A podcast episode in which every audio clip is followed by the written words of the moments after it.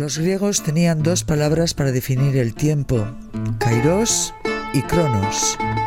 Cronos representa el tiempo cronológico. Kairos, lo que viene con él.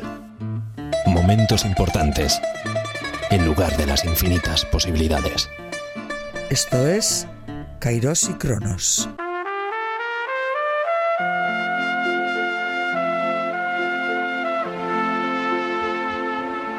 Hola, ¿qué tal? Hoy hablamos con dos invitados, una mujer y un hombre, que pertenecen al grupo de personas que podemos decir que salen de casa con el propósito de ayudar a los demás, personas que seguramente hacen brillar los ojos de los que muchos de nosotros y nosotras muchas veces apartamos la mirada.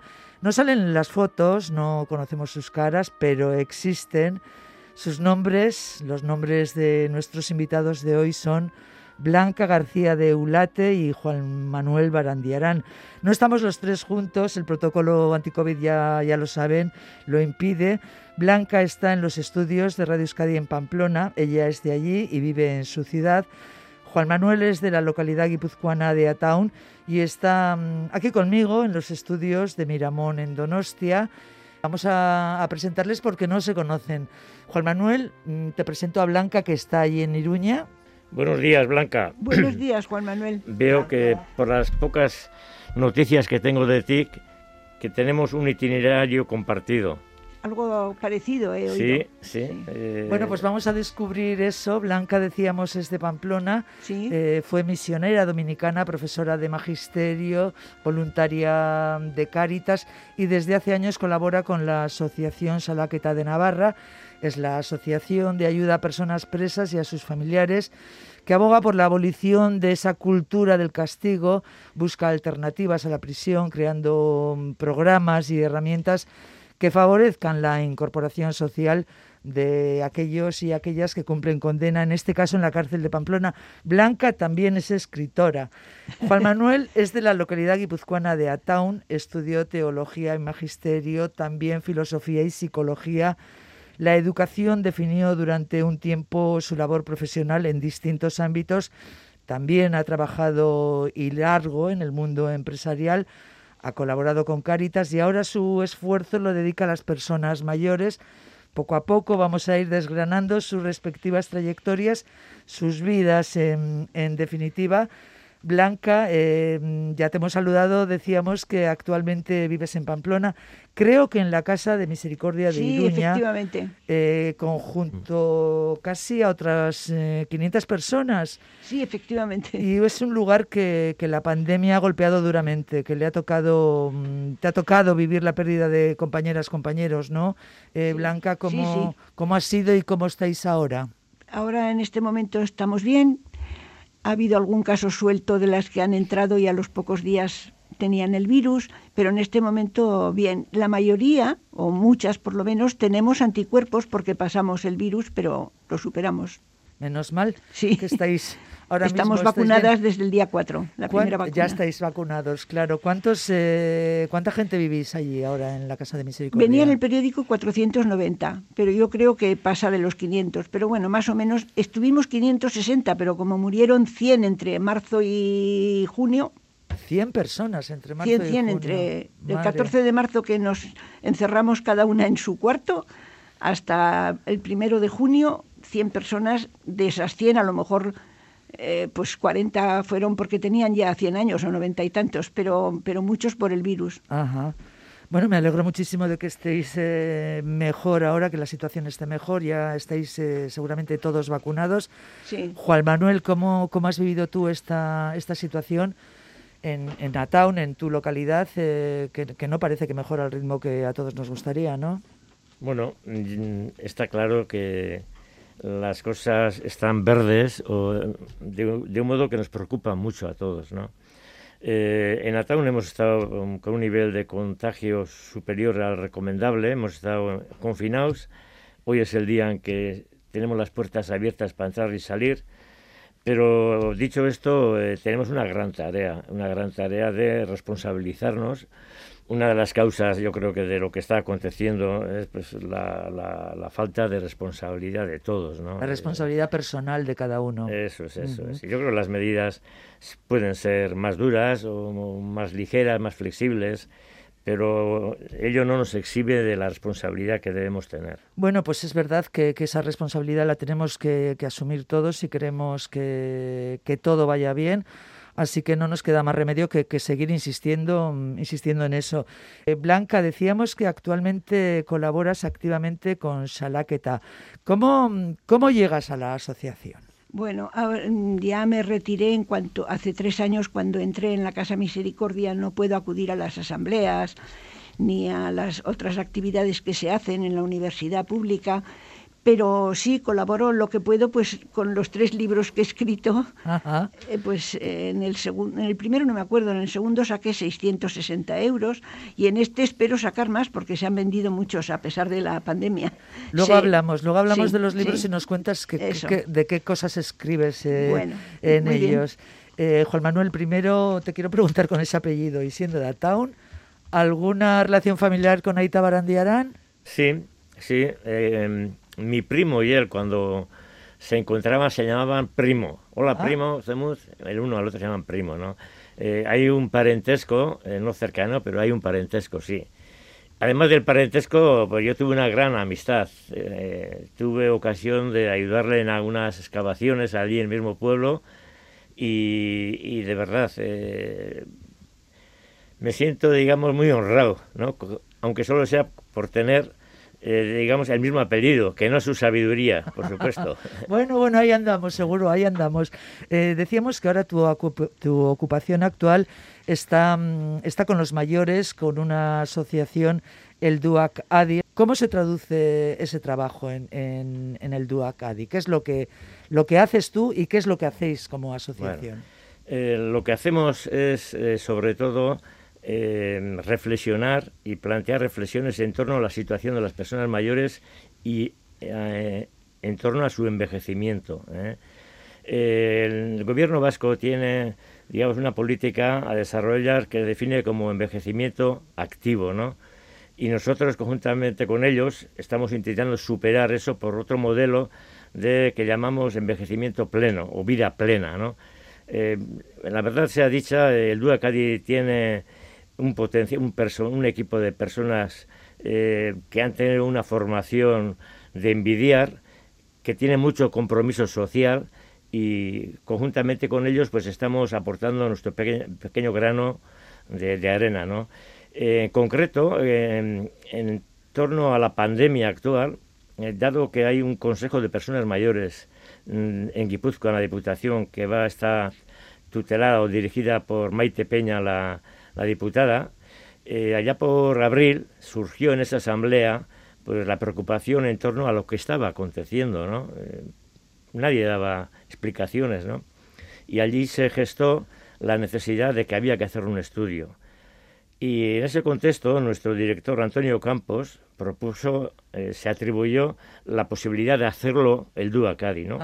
Se decidió que el DUACADI hiciera ese estudio y hemos hecho, hemos estado, yo en concreto he estado muy volcado en ese estudio, lo hemos presentado y bueno, pues a ver si surte algún efecto positivo. Hay que esperar, ¿no? Hay que, esperar, a que contesten. La verdad es que hay que, eh, ahora tenemos eh, mucho, mucho trabajo y, hay que esperar un poquito. Blanca, eh, ¿cuántas veces has, tú puedes hablar cuando quieras, ¿eh? ¿Cuántas veces has pasado el umbral de la cárcel de Pamplona?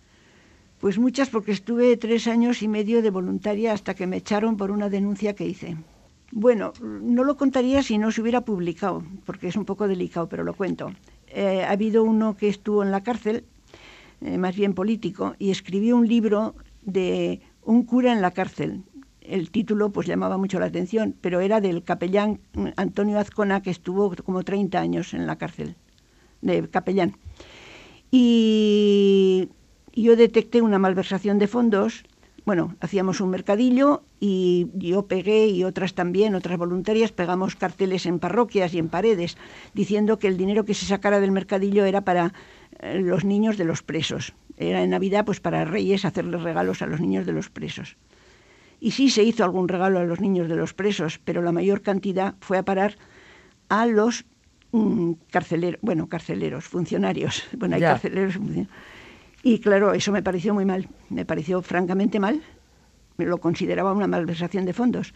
Aparte de que teníamos un piso y lo seguimos teniendo, pero ahora pasó a Salaqueta. Eh, la pastoral tenía un piso en Barañain del gobierno de Navarra para siete de los que salen y no tienen dónde ir y quieren rehabilitarse, y para permisos también, y resulta que se estaba llevando fatal. Se quitó lo del piso, bueno, yo hice la denuncia, y se consiguió quitar el piso y el piso pasó a manos de Salaqueta que actualmente lo lleva y creo que muy bien. Y entonces pues al hacer yo esa denuncia pues me echaron, me echaron, el capellán me echó. Bueno, pues que se pero fue pero fue providencial porque los presos yo no podía llamar por teléfono a los presos, pero los presos me podían llamar a mí y me decían, "Blanca, ¿por qué no vienes? ¿Por qué no vienes? Porque me han echado." Porque no me ah, dejan. No me dejan. Ah, no te dejan. Pues nosotros no te dejan entrar, nosotros vamos a salir. Y empezaron a salir a Proyecto Hombre y me fui 15 meses a Proyecto Hombre de Estella los domingos iba, y, luego a la Rengoa también. Y estos dos muchachos, tanto el de Estella como el de, tanto el de Proyecto Hombre como el de la Rengoa, pues los dos están estupendamente bien trabajando.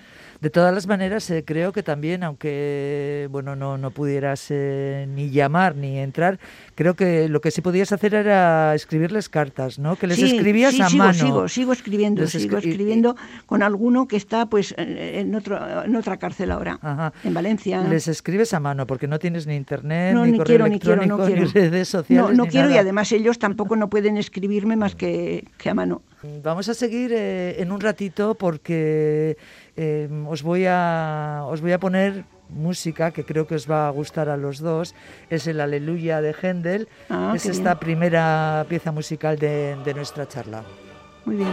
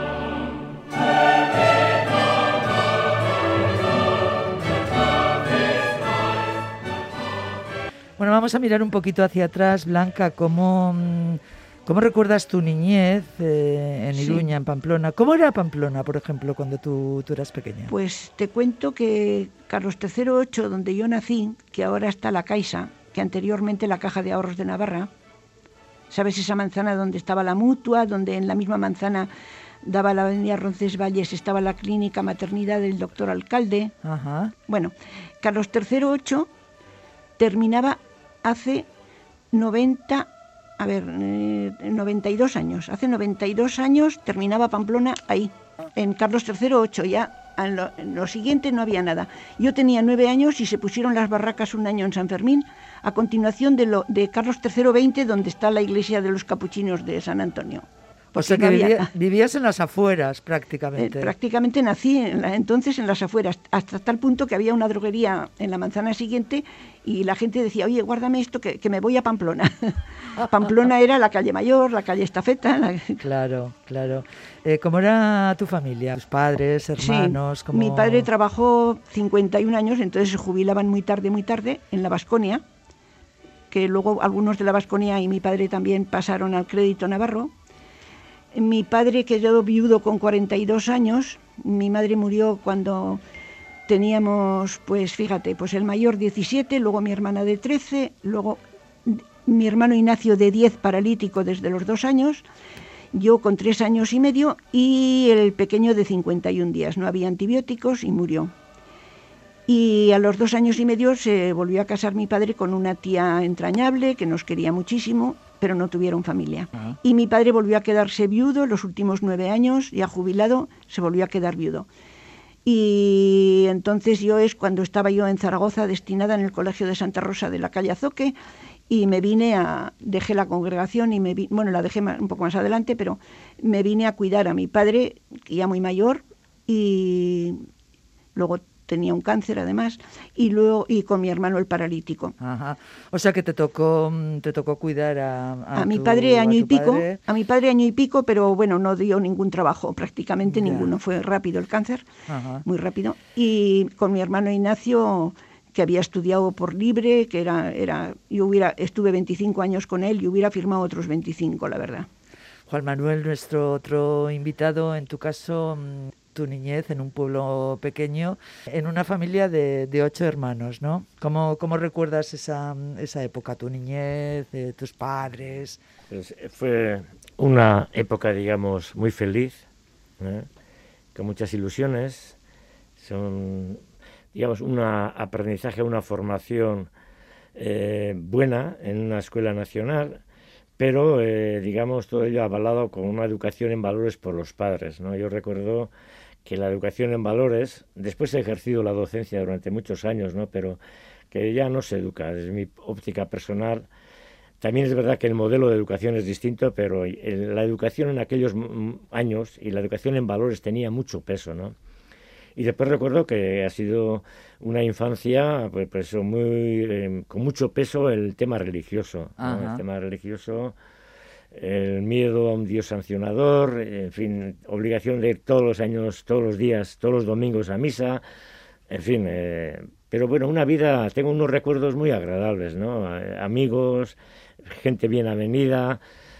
Es, bien es verdad que el pueblo no era un pueblo, era prácticamente tres pueblos entonces, cuando justo había una carretera, no había medios de comunicación más que las bicis, pero bueno, eh, digamos una, unos recuerdos, una, una edad infantil muy muy muy agradable. ¿Y ya te gustaba darle patadas al balón eh, siendo niño? Porque eh, nuestro invitado, Juan Manuel Barandiarán, eh, ha sido un excelente futbolista ah. y vamos, que, estuvo a punto de fichar por el Atlético. El Atlético y más equipos, por el Logroñés, por el Mirandés, por el Real Unión, en fin. Sí, el fútbol era digamos, uno de los, la leitmotiv de mi vida en la, en la infancia, ¿no? O sea, me gustaba mucho el fútbol, y muy, ponía mucho esfuerzo y, en esmero en hacer, hacer bien las cosas como futbolistas. Los dos eh, os dirigisteis hacia el camino eclesiástico de, de la fe, hablábamos de, esa fe cristiana.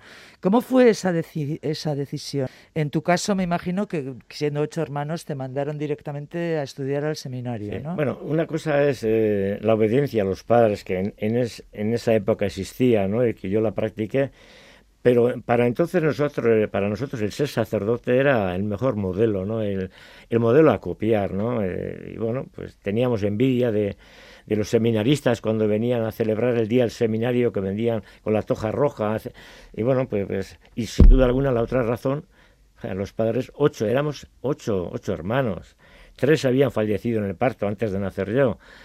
Ocho hermanos, ¿no? Y bueno, había que hacer algo, había que dar una salida a, esos hijos, ¿no? Una y, familia tan numerosa, claro. Efectivamente, el, la del seminario era una salida, una salida muy buena. Yo reconozco que en mi vida he tenido tres cosas buenas, ¿no? ahora voy a decir dos. ¿eh? Después, si tengo ocasión, ya diré la tercera. Pero la primera, la educación en valores de los padres, de mis padres. Eran, es, es verdad que eran muy exigentes, pero sabían hacerlo bien. El segundo gran valor fue la posibilidad de estudiar en el seminario.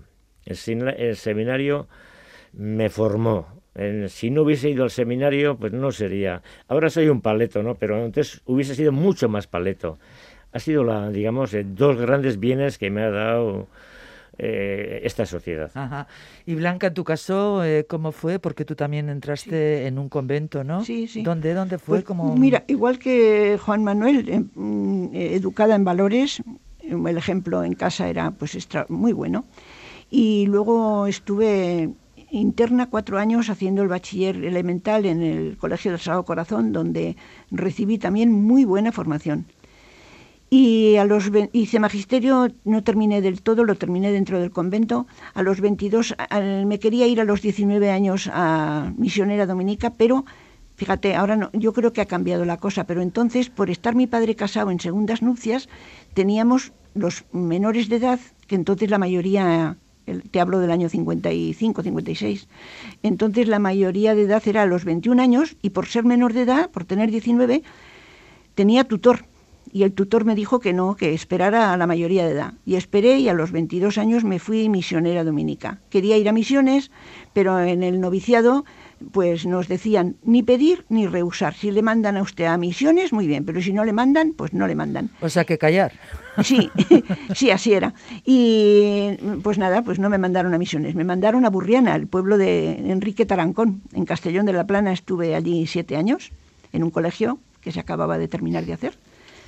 Allí terminé magisterio y luego cinco años en Zaragoza. En total estuve 17 años en, la congregación de misioneras dominicas, sí. Mm, eh, ¿Diste clase, diste clase mm, a niñas de, de 8 a 9, 10 años, sí. ¿Dónde, ¿Dónde era? ¿Dónde estaba esa escuela? En, Burriana, en Burriana era el Colegio Villa Fátima.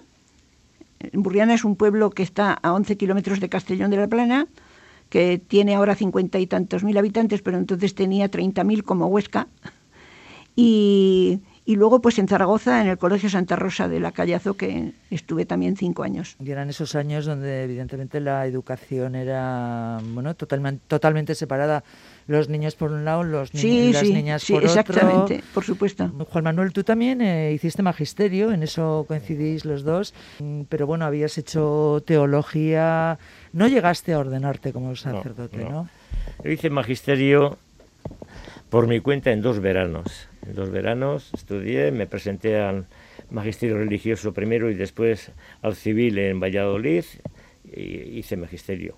Y una vez terminados los estudios, en aquella época eh, existía como modelo, antes de ordenarse, estudiar alguna licenciatura o una experiencia laboral, ¿no? Yo opté por la primera, ¿no? Eh, estudiar. Eh, nuestro obispo emérito, buen obispo que hemos tenido en Guipúzcoa, el mejor de los que hemos tenido, me recomendó ir a Salamanca a estudiar pedagogía. Y me dijo, Juanma, si vas a, hacer pedagogía en Salamanca, los, los gastos por mi cuenta. Y yo no lo veía claro. Mm, me ilusionaba estudiar filosofía pura. Y por mi cuenta, mm, pagando, abonándome los gastos de mi familia, me fui a estudiar a Roma. Y estudié filosofía pura en Roma. ¿Y cómo, cómo fue aquello? Se decides, no quiero hacer pedagogía, prefiero estudiar filosofía, eso es que te gustaba pensar. Eh, ¿Y te vas a Roma así? Sí, sí, sí. ¿Así? Eh, sin más. Bueno, tenía buena información, tenía gente eh, llegada a mí que también iba y pues eso, me lancé. Fue una decisión importante, de la que no me arrepiento, de lo que no me arrepiento. Y en dos años eh, bueno, en dos años, eh, no, no estuve dos años porque por razones políticas me tuve que ausentar. Eran tiempos muy, muy difíciles, todavía vivía al caudillo. Y, y bueno, pues tuve que estar en Ecuador un año. Bueno, luego, luego hacemos ese salto de, de Roma a Ecuador. Eh, vamos eh, con una preciosa melodía eh, de las diez melodías vascas del compositor Jesús Guridi. Este es el pasaje amorosa.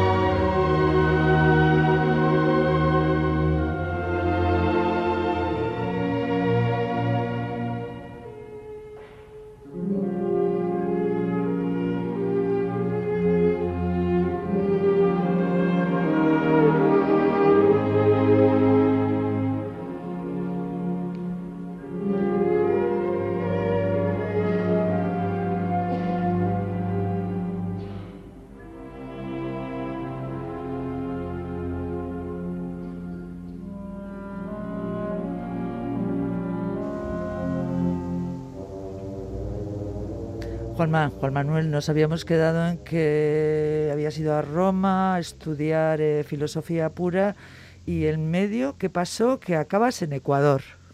¿Cómo fue aquello? Fueron las circunstancias políticas. ¿eh? Pues parece que hice alguna cosa, yo creo que muy bien, pero bueno, eh, podía ser objeto de pena en el Estado español y me, recomendaron que estuviese hasta que en, el juicio se vio que en el sumario no aparecía mi nombre y tuve, pude volver. ¿Y en Ecuador qué, es lo que hiciste? Bueno, pues, pues nada más que... ayudar a un colectivo de personas del entorno de ETA eh, a preparar una acción. ¿eh? Y como yo dominaba el, latín, el, el, italiano, pues bueno, me pidieron que echara una mano y les eché. Después no se, no se hizo nada. ¿eh? Bueno, bueno, yo ahí no me quiero meter, pero, no se hizo nada. pero luego seguro que se divirtió y se lo pasó muy bien también. Bueno, lo pasé bien, sí. sobre todo en Ecuador, porque la cultura latina me encanta, ¿no? Y tuve grandes apoyos allí, tuve ocasión de conocer gente buena, de incluso de jugar a fútbol. Estuve a punto de fichar por un equipo de primera división, pero resulta que había un plazo para la contratación y me lesioné. Me lesioné una lesión fuerte y no, no pude fichar, pero tengo anécdotas bonitas, tengo bonitas de Ecuador. Eh, os digo una, eh, me relacioné con una chica guapa, guapa, que se dio la circunstancia de que era la hija del director del Banco Nacional de Quito, la hija. Y bueno, pues teníamos una relación de amistad me invitó a cenar, me invitaba todos los domingos a comer con sus padres y me llegó a invitar a visitar las Islas Galápagos. Y me dijo, Juan va, quiero que vengas conmigo, ahí nomás a visitar las Islas Galápagos, te va a gustar, es muy lindo. Y le dije, pero tú ya sabes que yo no tengo plata y tú también sabes que yo tengo toda la, toda la del mundo, tengo mucha plata. Y le dije que no. Ay, le dijo todavía el espíritu de la vocación de sacerdocio pues estaba todavía había allí algunos retoños había había bueno bueno se quedó sin, sin ver las Islas Galápagos. No sé si alguna vez ha, tenido la oportunidad, has tenido la oportunidad de ir, de conocer. No, no he tenido. bueno, pues perdiste, perdiste aquella. Todavía hay tiempo. Todavía habrá y todavía hay tiempo, efectivamente.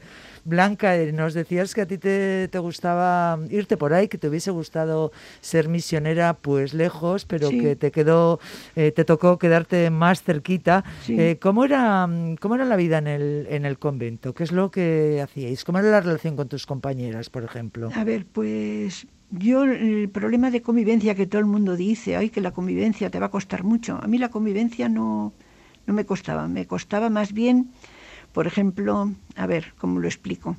Había, había unas fámulas que se llamaban chicas, alumnas que por no tener medios, entonces no había becas o serían muy pocas o no sé, pues se quedaban sin los recreos y trabajaban por, hacían limpiezas a cambio de que no podían pagar. Y a mí aquello me parecía una injusticia de tal forma que dije, no, pues yo lo siento, pero yo tampoco voy a ir a la recreación y voy a estar con ellas. Me enteré luego en Pamplona que si tenían menos de 16 años nos podía caer a la congregación le podía caer un palo y conseguí que aquellas fámulas pues hoy día sé que son médicos, dos de ellas son médicos en Zaragoza. Bueno, mira qué bien. La justicia social siempre me ha, no sé por qué, a lo mejor porque mi padre me llevaba a misa todos los domingos a escuchar a don Pedro Alfaro a, la parroquia de San Nicolás, que entonces llenaba hasta, se llenaba hasta la calle de, escuchándole eh, los problemas sociales a don Pedro Alfaro. Predicaba sobre te hablo de, la hablo, justicia tengo, social. Tengo 85 años, te hablo de hace 70 y varios, claro, o sea, fíjate. Te hablo de los años 45, sí, eh, nací el 35, pues tendría 10 años yo, del año 45, 46, 47, sí. Y estando allí echaba de menos eh, Pamplona a su familia o a sus amigos. no. no. no, sí, visto, visto ahora terrible porque estuve 11 años sin tocar un teléfono. Eh, a ver, me explico con lo que conlleva eso. Si pasaba algo en mi casa, llamaba a mi padre por teléfono y la portera me decía, Blanca, llama a tu padre que se ha muerto la tía fulanita. Ah, ya. O sea, sin poder conectar por teléfono con mi padre. ¿eh? Y las cartas gracias al Concilio Vaticano II pudieron, eh, yo las podía cerrar y no se enteraba nadie de lo que yo escribía a mi familia. y cuando ellos me escribían, yo también me enteraba la primera, pero hasta que llegó el Concilio Vaticano II, la primera que abría las cartas era la Madre Superiora, y a mí aquello me, costaba, ¿eh? me costaba eso de que se enterara la superiora y que yo le viera que se estaba sonriendo. Yo digo, habrá cometido alguna falta de ortografía mi padre, ¿por qué se reirá? Ya, o, o, que, estará contándome mi padre que se ríe, ¿no? Claro, sí, sí, o sea, eh, aquello fue terrible. Y gracias al Concilio Vaticano II se cambiaron muchísimas cosas, ¿eh? muchísimas. Piensa que dormíamos, dormíamos con toca. No me digas. Sí, sí, pero tengo yo unos hermosos calvos en la cabeza, que lo decía mi sobrina, ¿qué calvos tiene la tía? Pues no sería, no era fácil darse la vuelta, ¿no? Con, la toca y eh, pues no sé, no, yo, ese problema, ese problema no lo he tenido nunca porque soy capaz de dormir nueve horas seguidas sin moverme.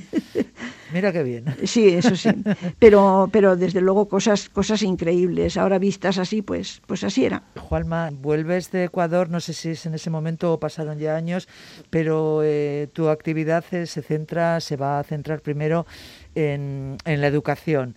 Eh, primero en la Icastola de Zarauz, ¿no? Donde eres, eh, donde se te nombra director. No, primero estuve en el liceo de, de Beasain, liceo Alcartasuna de Beasain. Estuve dos años dando clases y estando ahí, pues es verdad, eh, ciertamente me llamaron de la Icastola de Zarauz porque había un conflicto.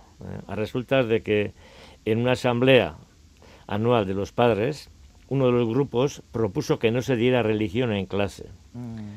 Y eso derivó en una lucha, una lucha entre los padres, incluso hubo sangre, eh, o sea, fue, digamos, una lucha dura, dura. Sangre que, que, se pegaron. Eso es, eso, se calentaron, como se dice vulgarmente. Y bueno, entonces eh, se decidieron recurrir a un laudo arbitraje, a un árbitro externo que dijera qué es lo que había que hacer en esas circunstancias. Y las decisiones fueron dos. Eh, nombrar democráticamente a los miembros del Consejo de Dirección de la Icastola y traer un director de fuera. Eh, parece que alguien me conocía y me llamaron y bueno, pues me nombraron director de la Icastola y ejercí tres años. Fueron años muy difíciles. ¿Cómo solventó ese asunto de la eh, religión? ¿Cómo quedó? Eh, se solventó eh, elaborando un reglamento de régimen interior que se sometió a la consideración de la Asamblea y la Asamblea la aprobó. Eh, entonces ya... Bueno, pues fueron tres años duros porque supuestamente moderados de una línea y de la otra, con un presidente que era, digamos, neutro, pues bueno, pues se negoció, se pactó, pero para mí no eran los moderados, porque si aquellos eran los moderados de una línea a la otra, ¿cómo serían los no, moderados. Los no moderados, ¿no? Pero bueno, fueron tres años en los que conocí a gente muy buena, conocí gente, fue enriquecedor para mí y aprendí mucho, ciertamente. Después siguió en el, en el ámbito de la educación como jefe de Educación Especial de Guipúzcoa, ¿no? Sí, estando allí, el gobierno vasco me propuso dirigir un equipo multiprofesional para desarrollar una experiencia piloto de integración de minusválidos en el sistema educativo ordinario. Bien es verdad que yo en mi gestión de la Icastola de Zarauz pues tuve algún gesto, eh, digamos, eh, positivo de cara a este colectivo, ¿no? Y a raíz de eso, pues me, nombraron director de un equipo profesional y desarrollamos una experiencia piloto en el Goyer y Alto Urola. Fueron tres años y a los tres años, una vez desarrollada la experiencia, me nombraron, en aquel momento el título era jefe de educación especial de Guipúzcoa, ¿no? Para lo que se hizo a nivel, digamos, piloto, generalizar en toda Guipúzcoa fue una experiencia preciosa, preciosa, muy, muy positiva. Blanca, en tu caso, bueno, pues va pasando el tiempo, Juan Manuel tiene distintos eh, empleos y a ti te toca, lo que nos contabas antes, eh, volver a Pamplona a cuidar a, tu padre y a tu hermano enfermos. Una labor siempre de mujeres, ¿no, Blanca? Sí, sí. ¿Tuvo la sensación de no, de no poder hacer su vida o ha tenido esa sensación, has tenido esa sensación por tener que dedicarte al cuidado de, estos familiares? No, al principio, al principio murió mi padre y al principio mi hermano Ignacio no salía de casa, pero se valía con sus dos muletas, entonces yo me iba a dar unas clases al barrio de la Magdalena, al colegio de las Josefinas, que ahora ya está nada más que para monjas mayores, ahí en el barrio de la Magdalena, bueno, yendo a la chantrea y entonces combinaba el dar esas clases con, la casa. Pero después pasó mi hermano de muletas a silla de ruedas y entonces ya pues me prejubilé. Y bueno, te contesto, yo siempre estuve muy contenta con mi hermano Ignacio, muy contenta porque eh, tenía un carácter extraordinariamente bueno, mi hermano. Y de él aprendí muchísimo porque tenía una gran cultura, había estudiado, seguía leyendo, me contaba lo que había leído, tenía un sentido del humor extraordinario, me acuerdo un día que le digo, ¡y si no he descongelado el pan, domingo no tengo pan! Cruz no le solía dejar solo, cruzo la calle y vuelvo enseguida. Eso dice, vuelve, vuelve enseguida, que sin blanca se está mal. Y se frotaba el dedo pulgar con el índice, sin blanca se está mal. Tenía mucho sentido del humor, muchísimo. Nada, muy bien con mi hermano muy bien. En el caso de Juan Manuel, eh, tu vida quizás da un giro y, de la educación llegas al mundo empresarial. Ciertamente, eh, bueno, de la educación. Eh, me ha tocado ejercer de bombero en mi vida. Yo cuando ¿qué, es lo que eres? Maestro, filósofo, psicólogo. Me ha tocado apagar fuegos, ¿no? Eh, estando, como decía antes, en el tema de la educación especial, en mayo, cuando el curso se termina en junio, en mayo, la Escuela Profesional del Goyerri estaba en huelga. la gran mayoría de los profesores estaban en huelga y, claro, había que, salvar el curso. Entonces, eh, los responsables, que eran unos alcaldes, no todos los alcaldes, unos pocos alcaldes de la comarca, los que estaban gestionando la escuela profesional, me convocaron una reunión y me propusieron dirigir eh, la escuela. ¿eh? Previamente había negociado con los trabajadores huelguistas el que el director no fuera el que ellos quisieran, sino eh, alguien elegido por selección. ¿eh? la selección se la encargó al grupo Mondragón. Me convencieron y, bueno, pues, pues eh, llevé, digamos, sufrí el, el proceso de selección, que no es agradable nunca, pero bueno, eh, me nombraron directo a la escuela. ¿no? ¿Por qué no es agradable? Porque te miran con lupa, ¿no? Pues sin duda alguna. No, no te piden la marca de, la ropa interior, pero casi, casi, ¿no? sí, Y bueno, pues me nombraron y ¿qué queréis que os diga? Que fueron los tres peores años de mi vida. Tres años... Eh, ahora no voy a sacar la mierda de la situación, pero una, una situación muy, muy, muy penosa. Pero bueno, prefiero verlo en positivo, ¿no? Y bueno, pues se recondujo la escuela, se recondujo la escuela, totalmente además. ¿eh? Eh, fruto de aquella reconducción se pasó a, hacer una reflexión a posteriori en la que había que considerar no solo las escuelas, sino otras acciones que estaba desarrollando la escuela. Y se hizo un plan estratégico, un plan estratégico que tuvo la gran bondad de que fuese aprobado por todos los agentes socioeconómicos, socioeconómicos y políticos, todos, ¿eh? Todos. Todos de acuerdo, pues no era fácil. No, no es fácil. Entonces, desde entonces yo lo tengo muy interiorizado, que es en un proyecto, aparte de las decisiones, aparte del contenido del proyecto, es necesaria la apropiación colectiva del proyecto. ¿eh? Y bueno, eso fue, digamos, eh, el gran visto bueno al proyecto, ¿no? que fue aprobado por todos los agentes. Es muy, eso es muy interesante. Cuando todos participan, a lo mejor las cosas se hacen de otra manera, ¿no? Hoy día se echa de mucho de menos, eh, sobre todo en la situación política, como lo estamos viendo, ¿no? Mm.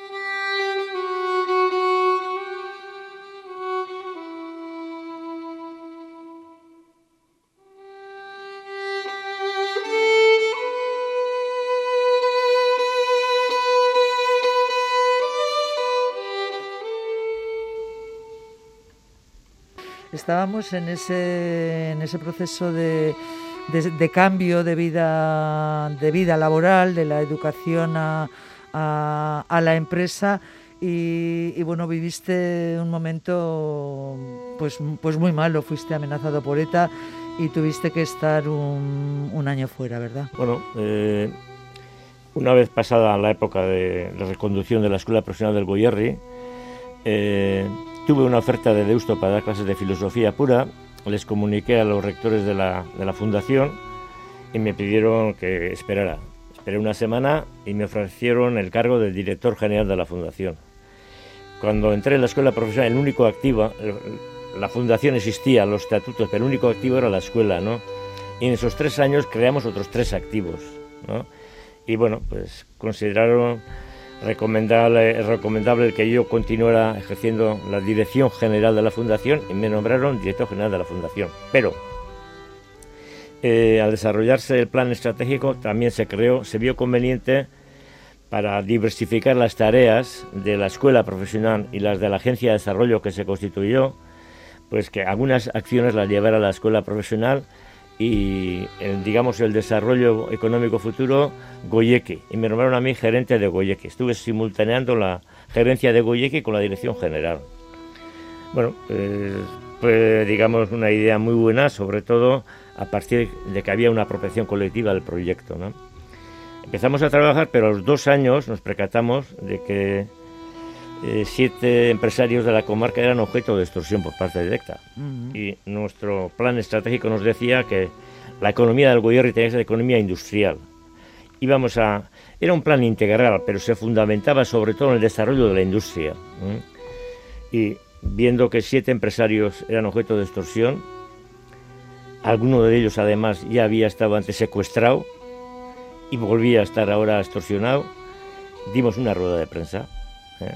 Se habló entre todos los agentes que estaban allí gestionando la fundación y dimos una rueda de prensa. Bueno, una rueda de prensa que para mí fue nefasta, ¿no? Porque a los pocos meses me llegó un aviso de la Arzaina. Estaba yo precisamente subiendo con la mountain bike a, San Miguel de Aralar. Estaba subiendo y, bueno, me notificaron que al día siguiente estaba invitado yo a una comida por el Ayuntamiento de Urricia y que no me personara porque corría grave riesgo mi vida. Mm. Pedí explicaciones, razones y no, no quisieron decírmelas.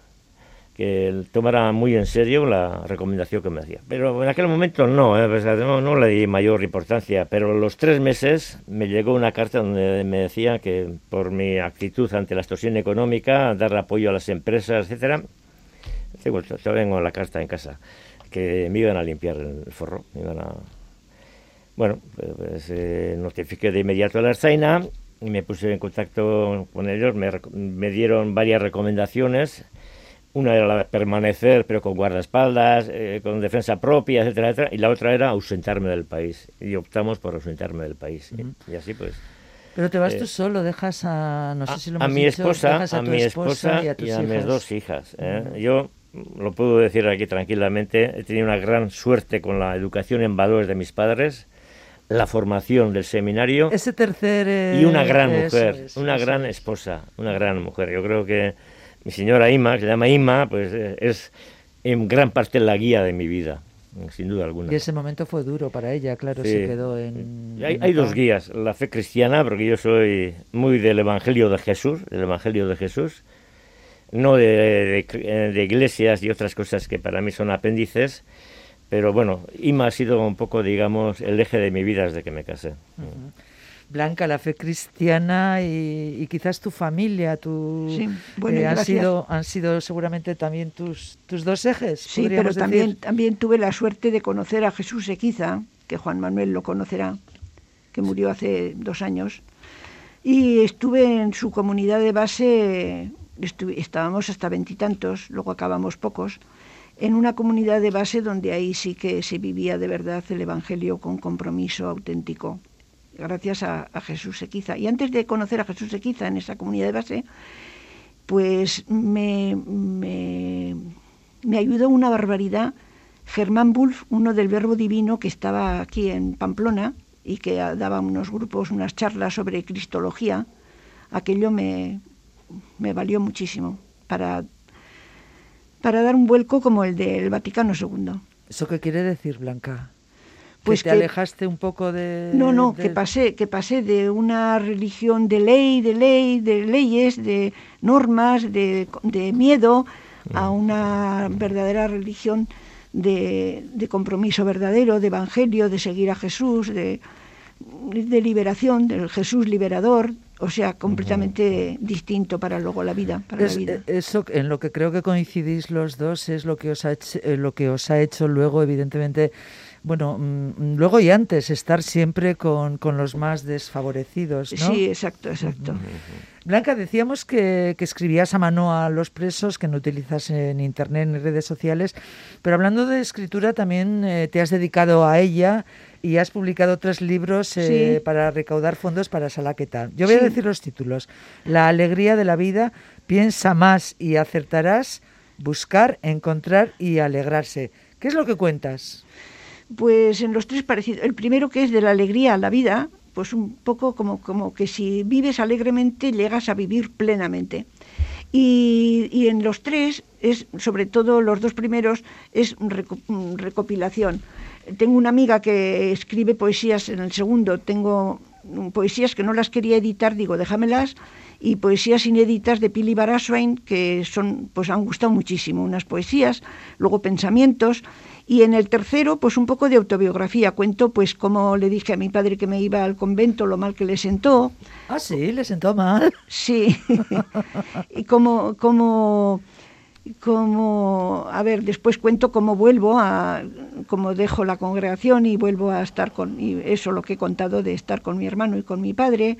Cuento algunas cosas mm, de una muchacha, una chica de la, de la cárcel, cuando salió de la cárcel, alguna cosa así. Y esto, esto último, dicen que me he superado escribiendo, ha sido gracias a Miguel Ángel Cabo de Villa, que es el superior de los capuchinos de aquí de Pamplona, que da un taller de escritura y estuve el año pasado en su taller de escritura muy interesante.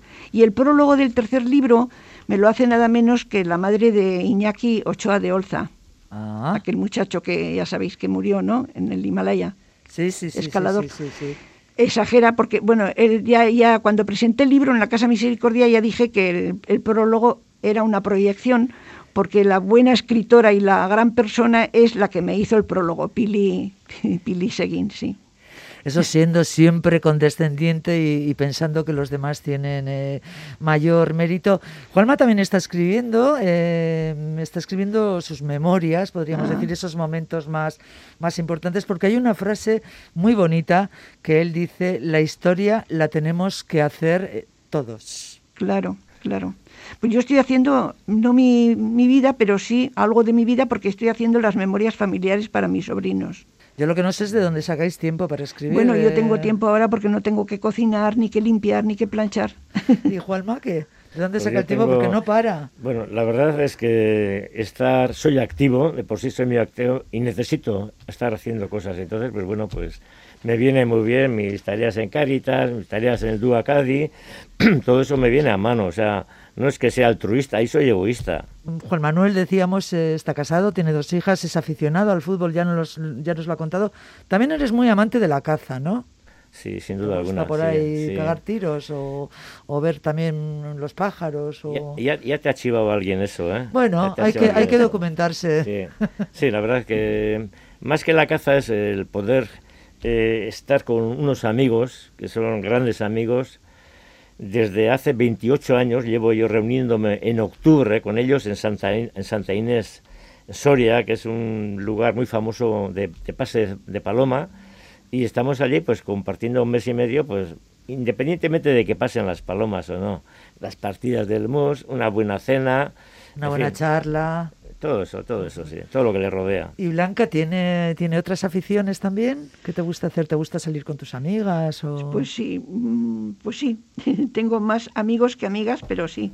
Estamos en un grupo, un grupo haciendo algo que no sé.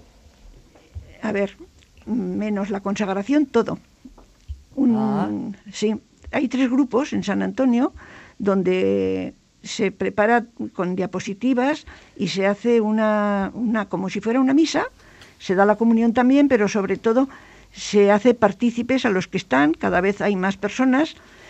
Yo, claro, este año con esto de que no puedo salir más que de 10 a 1 o de 4 a 7, pues lo tengo difícil, pero he estado... Y entonces ahí he hecho unas relaciones extraordinarias con varios hombres y mujeres y matrimonios y hay tres grupos y está resultando pues muy bien. ¿Y los Sanfermines le gustan a Blanca como buena Los toros nada. Los, toros, nada. Y estoy en la Casa Misericordia. Fíjate que hay toros por todas las paredes. Pero los toros no me han gustado nunca. ¿Los toros te refieres al toreo? A que eh, sí, y al encierro. El encierro me parece una aberración. Ya, ya. ¿Y la radio? Es una pregunta para los dos. ¿Os gusta la radio? ¿Recordáis la radio y la música? Sí, en vuestra casa la radio cuando erais pequeños encendida? Sí, sí. Es que no había otra. radio no había otra. Eso no había, sí. Y dichosas las casas en las que había radio, porque no las había en todas. ¿eh? Claro, claro. Os agradezco muchísimo que hayáis estado aquí. Blanca García de Eulate, Juanma Barandiarán. Es que vaya bien. Igualmente. En la técnica Miquel Olazábal, el saludo de María José Villaverde. Cuídense. Agur. Agur, agur, muchas gracias. Kale erdi zen ez dut inoren baimenik. Bier dantzan azten nazi dantzan kalie. Danak begirege